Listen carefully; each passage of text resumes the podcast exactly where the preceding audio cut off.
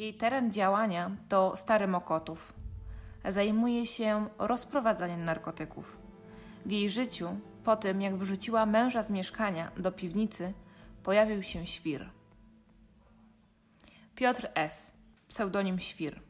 Człowiek nieobliczalny, nie panuje nad sobą, nie zastanawia się, działa tu i teraz. Zajmuje się egzekwowaniem długów. Odsiedział wyrok za handel narkotykami. Marcin, mąż Anny S., został wyrzucony przez Annę z domu. Zamieszkuje piwnicę. Spędza tam również święta. Artur N., pseudonim Gruby. Jego rejon to Górny Mokotów. Andzia stanowi dla niego konkurencję. Jest zły, że kobieta nie odpala mu kasy za sprzedaż towaru.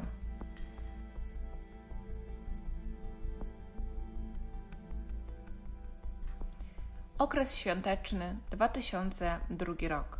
Mąż Anny S. został wyrzucony przez kobietę z własnego mieszkania. Wyrzuciła go, ponieważ okradał ją. Kradł pieniądze na narkotyki, którymi to kobieta handlowała na Starym Mokodowie.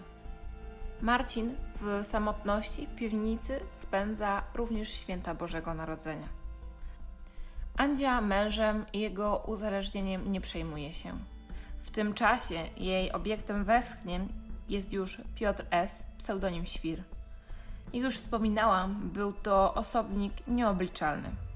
Być może to właśnie imponowało Andzi. Oficjalnie nigdzie nie zostało powiedziane, że Andzia i Świr byli parą. Przedstawiano ich jako przyjaciół. Bardzo ważnym, a może i nawet najważniejszym bohaterem tej smutnej historii jest Karina. Karina jest córką Andzi. Karina przyjaźni się z córką świętego. Święty w całej historii również gra bardzo ważne skrzypce, ponieważ był przyjacielem Andzi i to Andzia była chrzestną dla córki świętego, natomiast święty był chrzestnym dla córki Andzi. Karina często zostawała na noc u świętego i bawiła się z jego córką. Dziewczynki były w tym samym wieku i chodziły do jednej klasy. Święty pracował dla Anny. Jak już mówiłam, był jednym z głównych osób, które zajmowały się rozprowadzaniem narkotyków dla Andzi. Święty był uzależniony od heroiny i pracował głównie po to, aby móc kupić kolejną działkę. Jedna osoba nienawidziła córki Andzi. Był to świr, o którym również już mówiłam. Świr był człowiekiem nieobliczalnym i raczej nie stronił miłością do dzieci. Mówiono, że świr nienawidzi Kariny. Świadkowie wspominali, że świr miał podać dwa razy dziecku narkotyki i wtedy to właśnie święty zabrał małą dziewczynkę do siebie. Starał pomagać się Ance jak tylko mógł. Był jej prawdziwym przyjacielem. Związek Świra i Anny był dość toksyczny. Kiedy Andzia chciała odejść od Piotra S., ten groził, że ją zabije. Wspominał również, że jeżeli nie zabije jej, to zabije jej dziecko. Rafał w jednym z policyjnych przesłuchań wspominał, że świr miał przystawić małej broń do głowy i kazał Ance zlizywać z podłogi jego piwo, które celowo rozlał. Mówiono, że Karina była psychicznie uszkodzona, zamknięta i małomówna, jednak zachowywała się jak dorosła osoba. Z tym, że niewiele mówiła, jakby nie potrafiła. Ciężko dziwić się dziecku, które na co dzień widziało sceny, których to na pewno siedmiolatka nie powinna widzieć. Jeden z krewnych Kariny wspomina, że Karina jest bardzo inteligentna i sądzi, że ona wie więcej niż Annie oraz jej znajomym może się wydawać.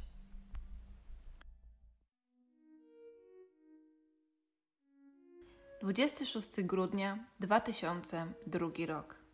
Jest drugi dzień świąt. Andzia i Świr oraz Karina przebywają w mieszkaniu przy ulicy Dąbrowskiego. Dziewczynka bawi się w swoim pokoju, a jej matka wraz z kochankiem siedzą przy stole na którym nie ma świątecznych potraw. Znajduje się natomiast pudełko ptasiego mleczka, na poczęta Coca-Cola, Fanta oraz dwie paczki papierosów. Nagle rozlega się pukanie do drzwi. Świr podszedł do drzwi w korytarzu. Ledwie jej uchylił i dostał trzy kulki prosto w głowę. Zabójca oddał do niego jeszcze dwa strzały, gdy ten leżał już na podłodze.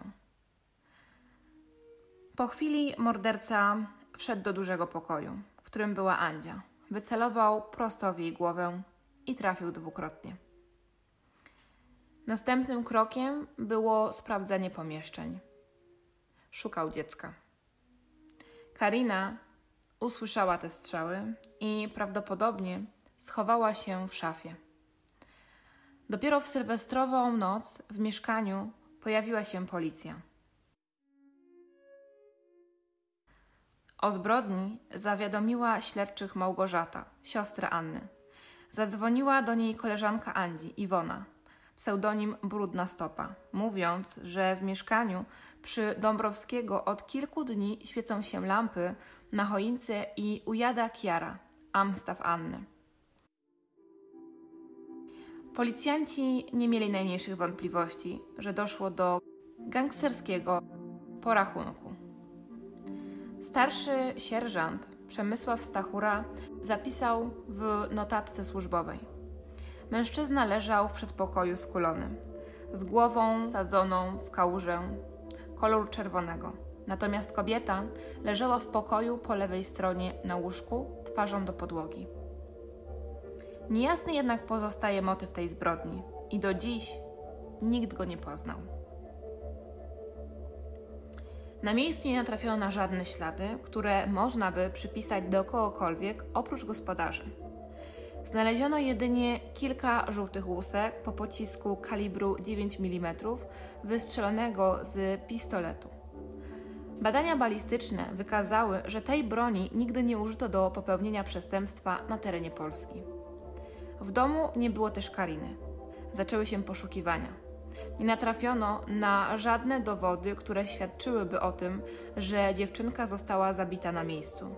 Nie było też śladów stosowania wobec niej przemocy.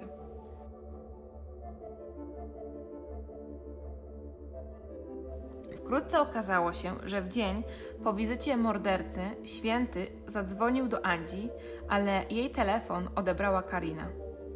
Dziewczynka spędziła zatem w mieszkaniu kilkanaście godzin ze zwłokami matki i jej kochanka.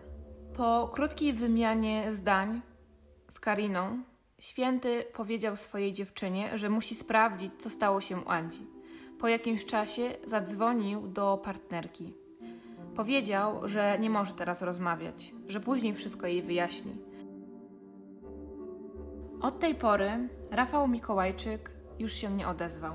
Natomiast, jak ustaliła policja, telefon Andzi łączył się jeszcze 27 grudnia z numerem Rafała Mikołajczyka, pseudonim Święty. Zdarzyło się to po tym, jak Święty przyjechał do mieszkania przy Dąbrowskiego. Święty zadzwonił do Mołka, żeby mu pomógł ukryć dziecko. Twierdził, więc Mołek najprawdopodobniej pomógł mu i Andzi znaleźć schronienie.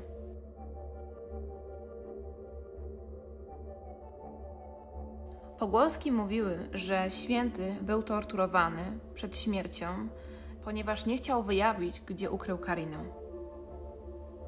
Mówiono, że prawdopodobnie zdołał ją wywieźć do Krzyśka z Grodziska Mazowieckiego, o którym mówiło się, że jest biologicznym ojcem dziewczynki.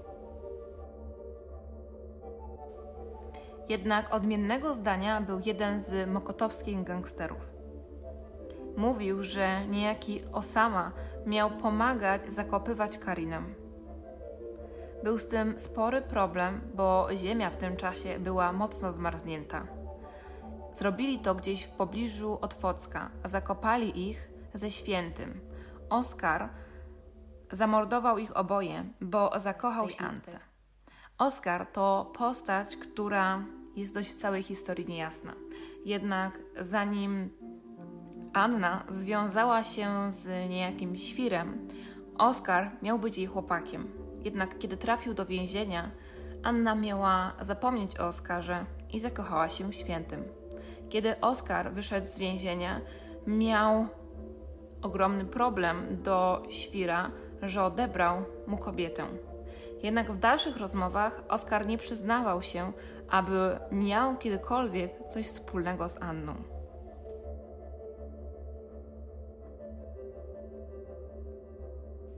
Rafał Mikołajczyk, pseudonim Święty i jego chrześnica Karina Surmacz do dziś figurują w rejestrze osób zaginionych. Marcin S., pseudonim Mołek, dostarczał Andzi narkotyki. Kilka lat później zasilał gang obcinaczy palców. W grudniu 2017 roku został prawomocnie skazany na 15 lat więzienia za próbę zabójstwa podczas napadu na konwojentów w Wólce Kosowskiej w 2013 roku. Bandyci zrabowali wtedy ponad 4 miliony złotych. Do konwoju miał właśnie strzelać Mołek. Mołek przyznał śledczym, że telefonował do Andzi, bo chciał się skontaktować ze świrem. Obaj mieli iść do pewnego adwokata. Jak twierdzi, nie mógł się jednak dodzwonić. Utrzymuje też, że nic nie wie na temat zabójstwa Andzi i świra, a tym bardziej o losach Kariny i Świętego. Można jednak przypuszczać, że Mołek wie znacznie więcej niż mówi i raczej tę wiadomość zostawi dla siebie.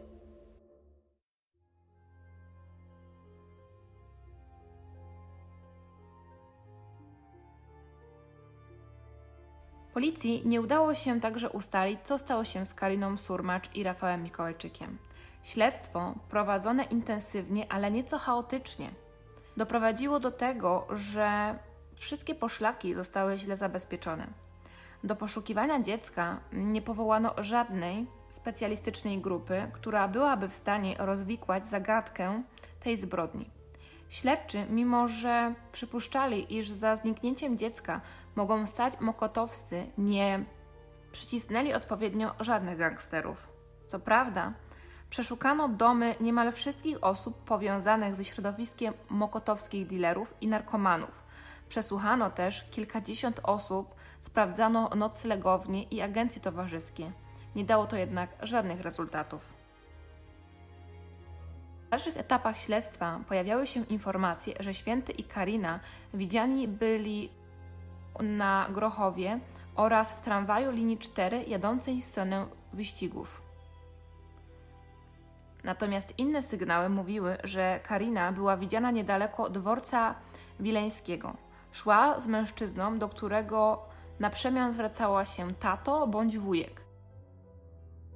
Święty miał także zjawić się w jednym z krakowskich ośrodków pomocy społecznej.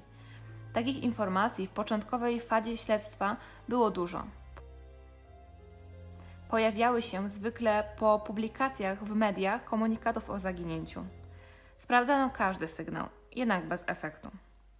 30 stycznia 2004 roku prokurator rejonowy Warszawa Mokotów umorzył śledztwo z powodu niewykrycia sprawcy zabójstwa.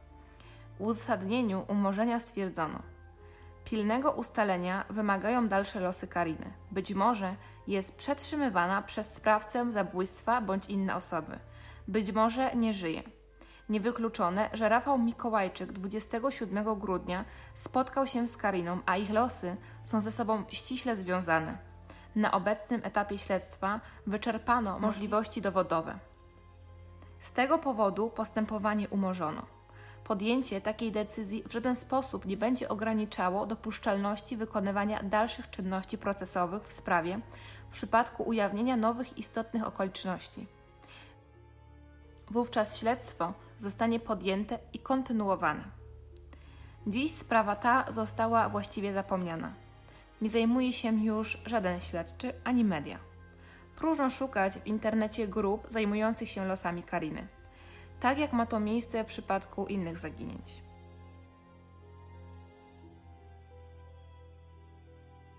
Śledczy mieli w tej sprawie trzy tropy. Zakładali, że dziewczynkę przetrzymują mordercy jej matki. Rodzi się pytanie, po co im taki kłopot? Kolejna wersja to historia o gangsterze z dobrym sercem. Oczywiście tym gangsterem miał być święty, który wywiózł z miejsca zbrodni dziewczynkę, będącą świadkiem śmierci swojej matki i jej partnera. Jednak wiele osób wątpi w to, aby święty podołał organizacji i dał radę ponieść koszty finansowe związane z taką ucieczką. Praktycznie wszystkie zarobione pieniądze wydawał na narkotyki, od których był uzależniony. Ukrywając się, musiałby zapewniać sobie codzienny dostęp do heroiny, inaczej nie mógłby normalnie funkcjonować. Mówiono również, że święty i Karina żyją w Hiszpanii. Jeśli tak by było, to ktoś jeszcze musiałby pomagać świętemu, gdyż jak wiemy, on sam nie śmierdził groszem. Święty, jak już wcześniej wspominałam, przyjaźnił się z Krzyśkiem S. z Grodziska Mazowieckiego. Mężczyzna ten miał być biologicznym ojcem Kariny. Święty miał odezwać się do Krzyśka, by ten dał mu namiary na pewnego pasera we Włoszy, który zmienia ludzkie tożsamości. Takie plotki również krążyły po Warszawie. Jak w większości zaginięć w całej sprawie brał również udział Jasnowic. Teraz przeczytam Wam wizję, którą miał Jasnowic po podaniu mu zdjęcia Kariny. To dziecko nie żyje. Ja widzę jej buzię. Jak jej ktoś coś daje do picia i przykłada coś do ust. Później ona zasypia. Robi się bezwładna. Nie była sama. Koło niej jest gość ubrany na czarno. Widzę koło nich dwojga. Ludzi, dwóch, trzech i dół, a raczej dziurę w ziemi, zasłoniętą deklem. Jakimś aż mnie ciarki przechodzą. To nie studnia. To coś, co jest w ziemi i pokrywa się, otwiera. To jakiś szambo na czyjejś posesji. Ładny, duży dom, zadbany, podwórko. Pachniało jakimś chlorem. Z szamba? Wszyscy wokół to czuli. Tam pachniało chlorem i wapnem. Widzę worek z czymś w środku i coś jest sypane do tej dziury. Tam w dole jest więcej ciał, ale ich nie ma. Fizycznie ich tam nie ma. Są rozpuszczeni. Ten gość ubrany na czarno dostał wcześniej coś w strzykawce. Jezu, ale mnie trzepie. Jedno mnie męczy. Oni mieli obcięte głowy? Temu dziecku chodzi szyja cała, ale ono nie czuje, śpi, jest bezwładne. Ten mężczyzna to był dla niej taki dobry wujek, tak mi mówi. To jakaś zdrada była? Ten wujek miał do kogoś zaufanie, ale zawiódł się na kimś? Nie ma świadków, sprawy nie było. W takich sytuacjach nie ma zmiłuj się. Przyjechali po nich czarnym autem. Oni nie mogli sobie pozwolić, aby to dziecko zostało żywe. Smutne, straszne. Nie ma słów, aby to opisać. Jedno tylko jest w tej sprawie humanitarne, że dziecko nie cierpiało, było bezwładne. Ta wizja potwierdziłaby, że święty, kiedy przyszedł po Karinę, wpadł na ludzi, którzy zamordowali jej matkę i kochanka. Ciekawym faktem jest również to, że prawdopodobnie biologiczny ojciec Kariny zniknął w równym czasie, kiedy to zniknęła Karyna i święto. Podsumowując, opcje są tylko dwie. Albo Krzysztof, Karina oraz święty wspólnie uciekli z kraju i aktualnie żyją gdzieś za granicą, albo podczas ucieczki natrafili na morderców Andzi i Świra i również zostali zabici. Kto dokonał morderstwa na Andzi i Świrze, nie wiemy i prawdopodobnie nigdy już się nie dowiemy. Jednak świadkowie i policja wytypowali dwie osoby. Jest to Oskar, który był chorobliwie zazdrosny o Andzię, oraz są to gangsterzy z Mokotowa, którym nie podobało się, że Andzia piła się w górę w swojej dealerskiej karierze.